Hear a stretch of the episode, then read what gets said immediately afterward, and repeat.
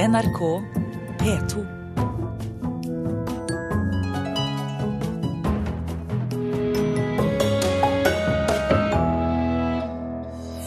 Antallet norske dataspillutviklere har eksplodert de siste årene.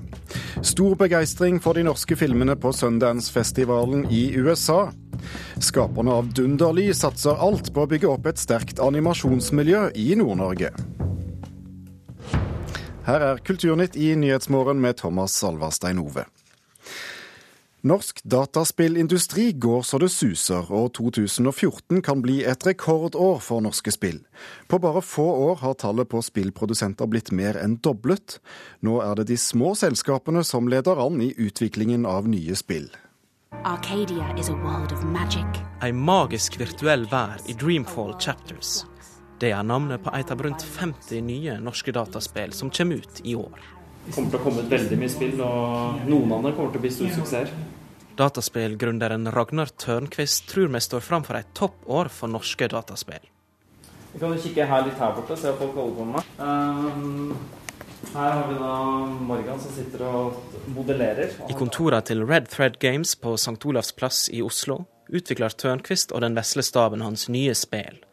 Men nå får de konkurranse fra en bransje i sterk vekst. Vi har jo visst veldig lenge at det er utrolig mye god kompetanse i Norge. Det sier Linn Søvik i Spillmakerlauget.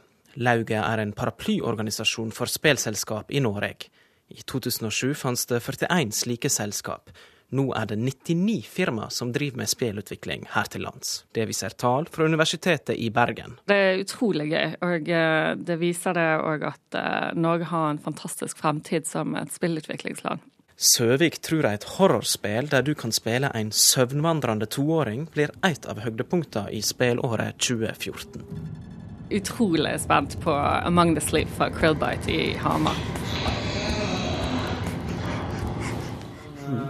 Alltid at vi har en sånn veldig hjemmekoselig atmosfære er viktig. Og hver fredag så sitter vi og spiller spill og drikker øl og spiser chips og koser oss. Små forhold hos de tolv ansatte i Red Thread. Ragnar Tørnquist jobba tidligere for spillgiganten Funcom, som på det meste hadde flere hundre ansatte. Overgangen fra få store til mange og mindre selskap er typisk for hele bransjen i Norge.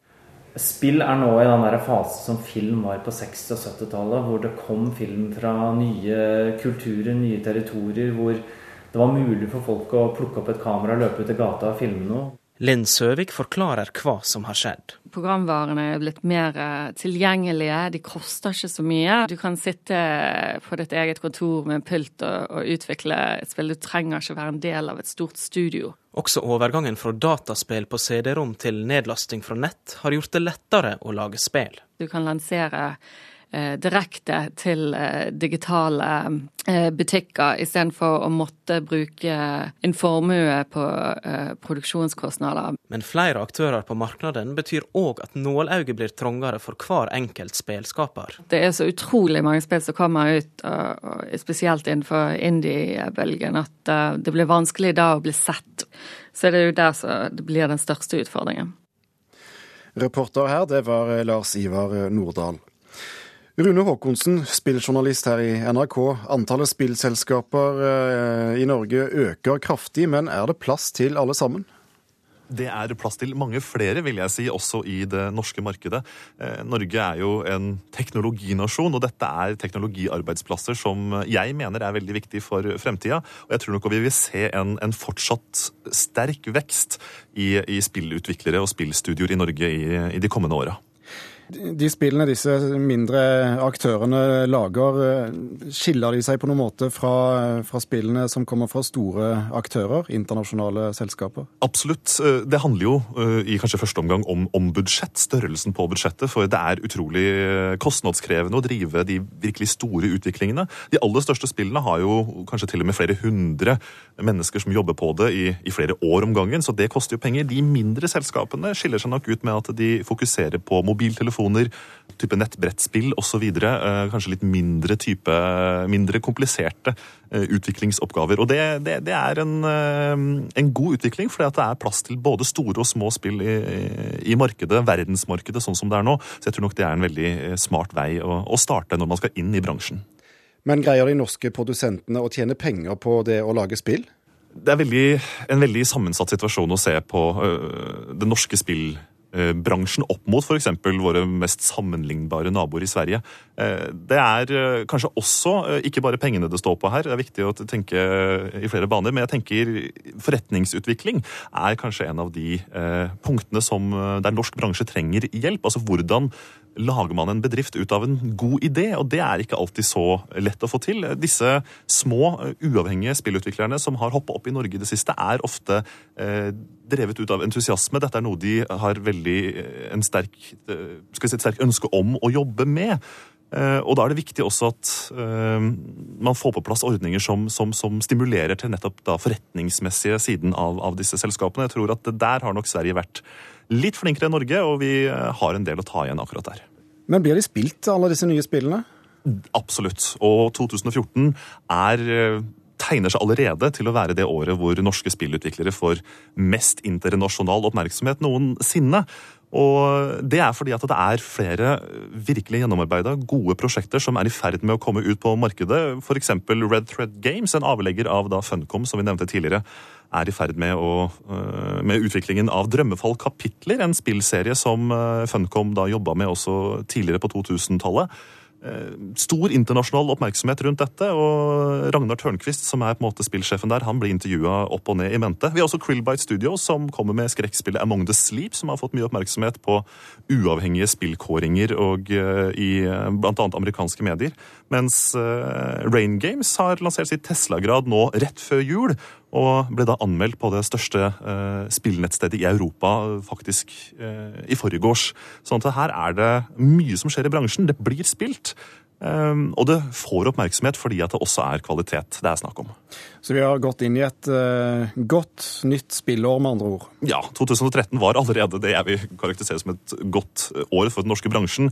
Men det ser ingen grunn til at denne positive utviklingen ikke skal fortsette, i hvert fall. Rune Håkonsen, tusen takk for at du var med oss i Kulturnytt.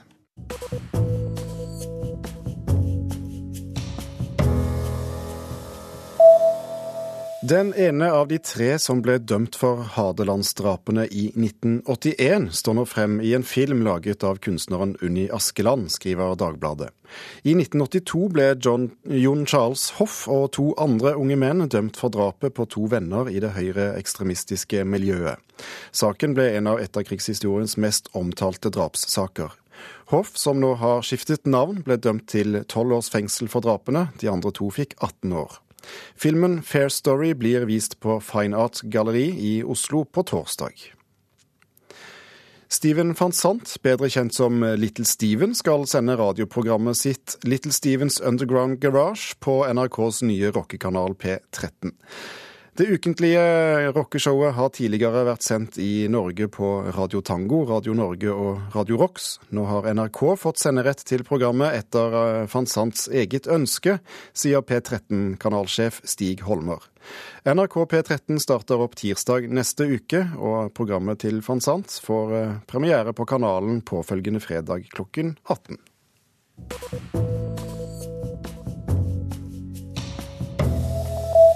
Christine!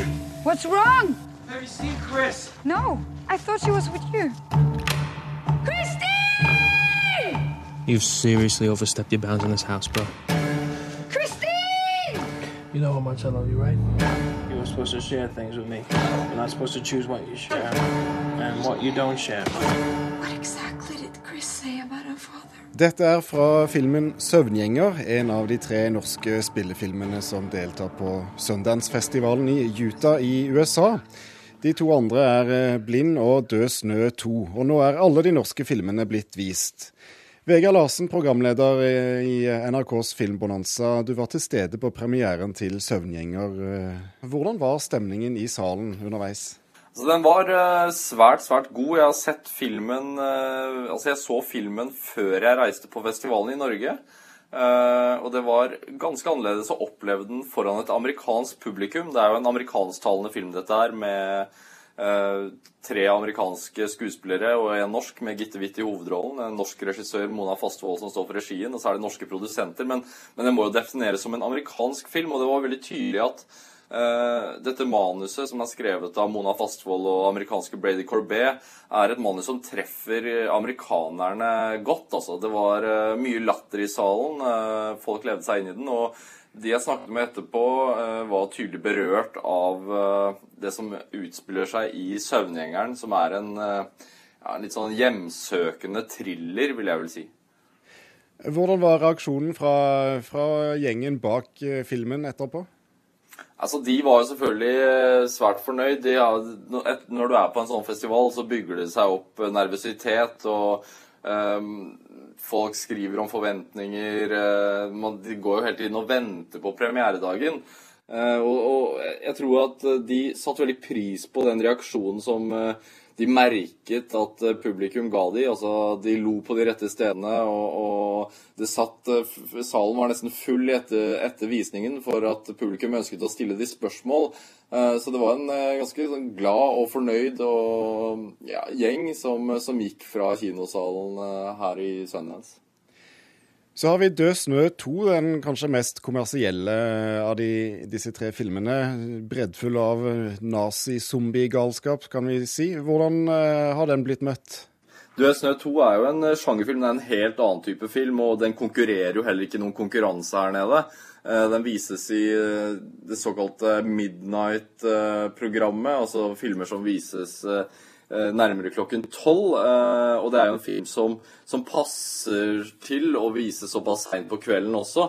Eh, men det var masse masse fremmøtte fans. De hadde, Teamet bak filmen hadde utstyrt en del amerikanske statister, eller de hadde leid inn eller amerikanere som gikk rundt i zombieutstyr og sånne ting. og, og reaksjonene på filmen var strålende. Eh, amerikanske bransjeblader også skriver veldig positivt om, om, filmen og sier at den vil treffe sitt kjernepublikum eh, svært, svært godt. Dette er jo en film for fans. Eh, men det har nå seg sånn at det er svært mange av de fansene, så, så den filmen har, så vidt jeg har forstått, fått en, allerede fått en salgsavtale her i USA og skal etter sigende være klar for det amerikanske markedet. Eh, noe som, eh, som, er jo en seier i seg selv. Da, og det er, viser jo også hvor viktig Sundance kan være for uh, filmer som ennå ikke har etablert, etablert seg i utlandet. Men Blind den deltar i, i konkurransen og, og, konkurrerer om å bli beste internasjonale film. Hva sier ryktene? Altså, Den ble jo vist uh, svært tidlig i festivalen, uh, men bøssen rundt Blind uh, har holdt seg. Eh, og er en av, de, en av de filmene i den internasjonale konkurransen som eh, blir snakket eh, penest om. Alle visningene var utsolgt allerede første dag, og den har mottatt helt overveldende god kritikk.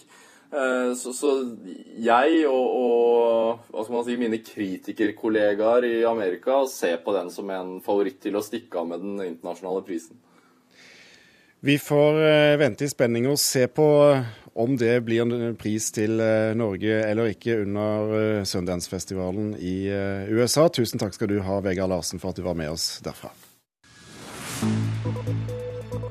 Du hører på Nyhetsmorgen i NRK P2 og Alltid nyheter. Dette er de viktigste overskriftene i nyhetsbildet akkurat nå. Tusenvis av kvinner i Norge har opplevd kjønnslemlestelse. Mange velger å reversere lemlestelsen på norske sykehus. I dag starta den store fredskonferansen om Syria i Sveits. Der skal den syriske opposisjonen møte regimet til samtaler sammen med representanter fra mer enn 30 land. Lønnsveksten blir moderat i år, og det blir forhandlet om færre kroner enn det som ofte er vanlig. Det sier Unio-leder Anders Folkestad. Grunnen er usikkerhet i norsk økonomi. Vi skal til Rio de Janeiro, der forberedelsene pågår for fullt foran årets karneval, som finner sted den første helgen i mars.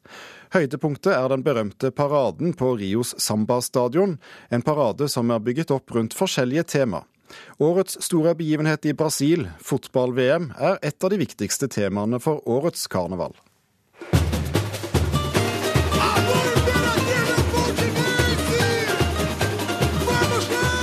Imperatrice leopoldinense en av Rio de Janeiros fremste sambaskoler hyller fotballstjernen Zico i sin parade under årets karneval. Han driblet skjebnen og seiret over livets hindre.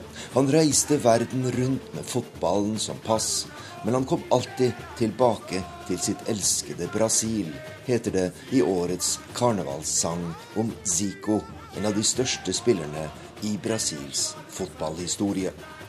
En karnevalsparade er en gigantisk teaterforestilling med rundt 5000 deltakere fra hver sambaskole, og det er regissøren og Carnavalesco som bestemmer. E é lógico que detalhes da carreira, Selvsagt handler paraden om Sikos karriere og viktige seire, sier Calle Rodriguez, som er carnavalesco for imperatrice leopoldinense. Men jeg ønsket å ta et kunstnerisk grep, og valgte å spille på Sikos tilnavn. Han heter egentlig Arthur Coimbra, men fansen kaller ham kong Arthur. Og dermed hadde jeg hele mytosen rundt denne historiske figuren å spille på, sier regissøren.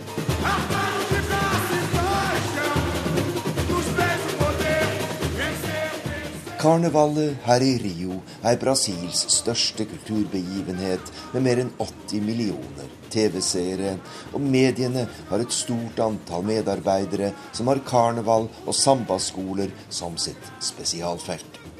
De tolv skolene i karnevalets første divisjon tilbyr i år et bredt utvalg av temaer som den kulturelle innflytelsen fra Afrika, livet i Brasils slumkvartaler, favelaene, mangfoldet i det brasilianske folk og dette.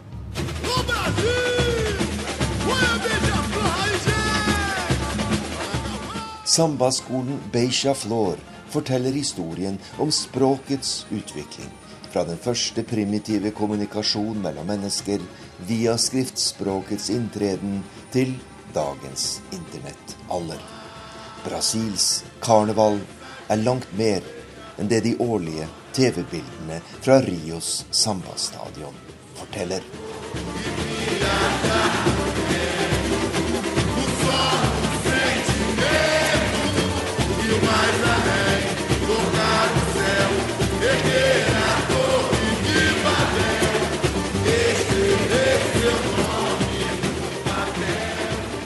Reporter i eh, Rio de Janeiro, Arnt Stefansen.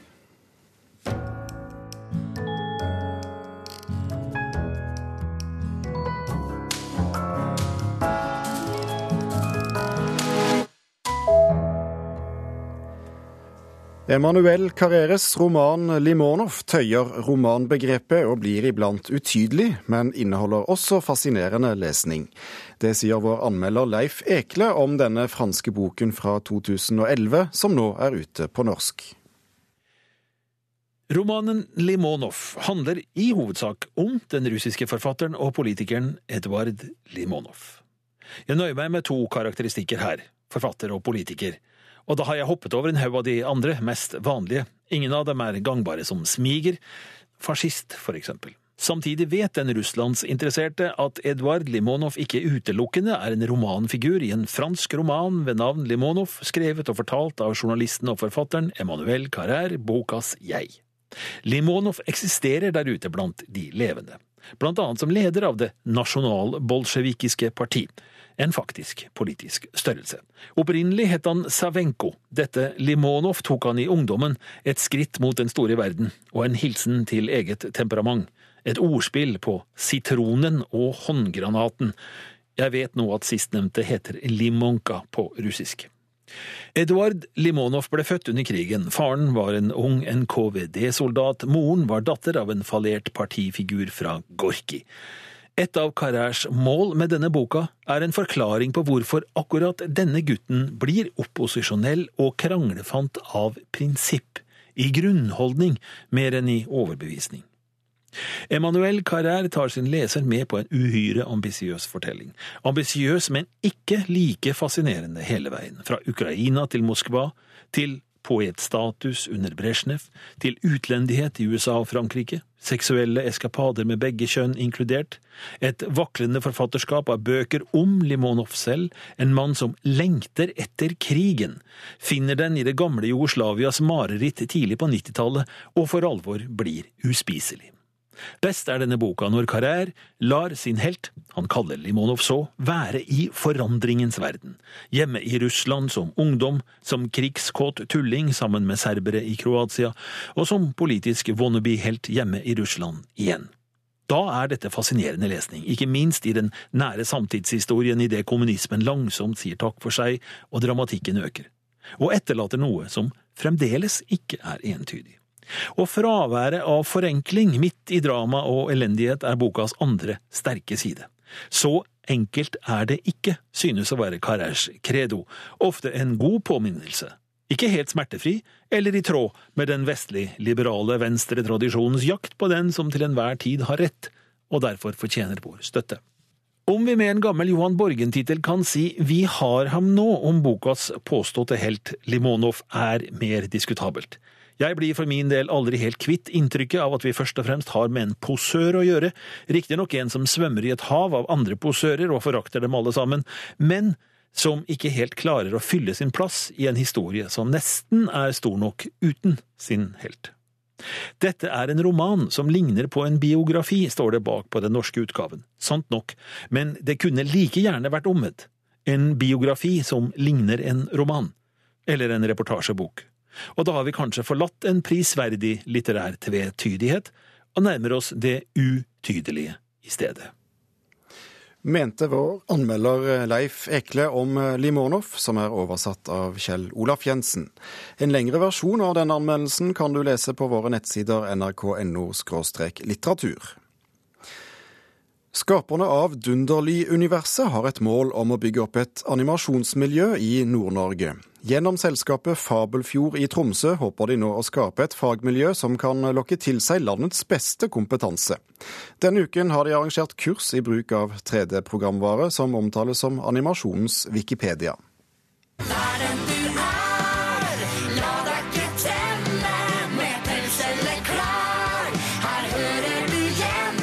Gjennom musikk, bøker og pedagogisk opplegg har både barn og voksne blitt kjent med karakterene i Dunderly. Men ut av universet har det også vokst et animasjonsstudio. Nei, Det nordnorske animasjonsmiljøet er jo nesten fraværende. Altså det, det, er jo noen her oppe som, som, holder på med animasjon. Men det er jo ingen før Fabelfjord, så er det så vidt jeg vet, da, ingen animasjonsstudio. Endre Skanfer har vært animatør og illustratør i 15 år i Oslo. Sammen med forfatterkollega Endre Lund Eriksen har han en plan om å skape mer enn et fantasiunivers for barn. Vi vil bygge annerledes animasjonsstudio. Og vi skal bygge et animasjonsstudio som, som, holder veldig høy kvalitet. De har holdt på i under et år, men har allerede fått flere oppdragsjobber i tillegg til egne produksjoner. Denne uka har de arrangert workshop i 3D-programmet Blender, en programvare med globalt nettverk som ifølge Skanfer er det store i animasjonsframtida. We have a couple of characters from the project and uh, we were just uh, det er han Bulder som er del av eh, Dunderly-gjengen. Så det er jo han vi sitter og leker med nå og prøver å finne ut av. Ådne Madsen er en av flere animatører fra hele landet som er på kurs, med Francesco Siddi fra nederlandske Blender Foundation. Det er mange verktøy som man kan bruke for å lage animasjon. Og Blender det er et verktøy som for så vidt ligner noen, noen av de mest eh, sånn, ledende verktøyene som er der ute. Men det som er spesielt med Blender, det er det at det er en sånn rivende utvikling, en sånn enorm utvikling på det.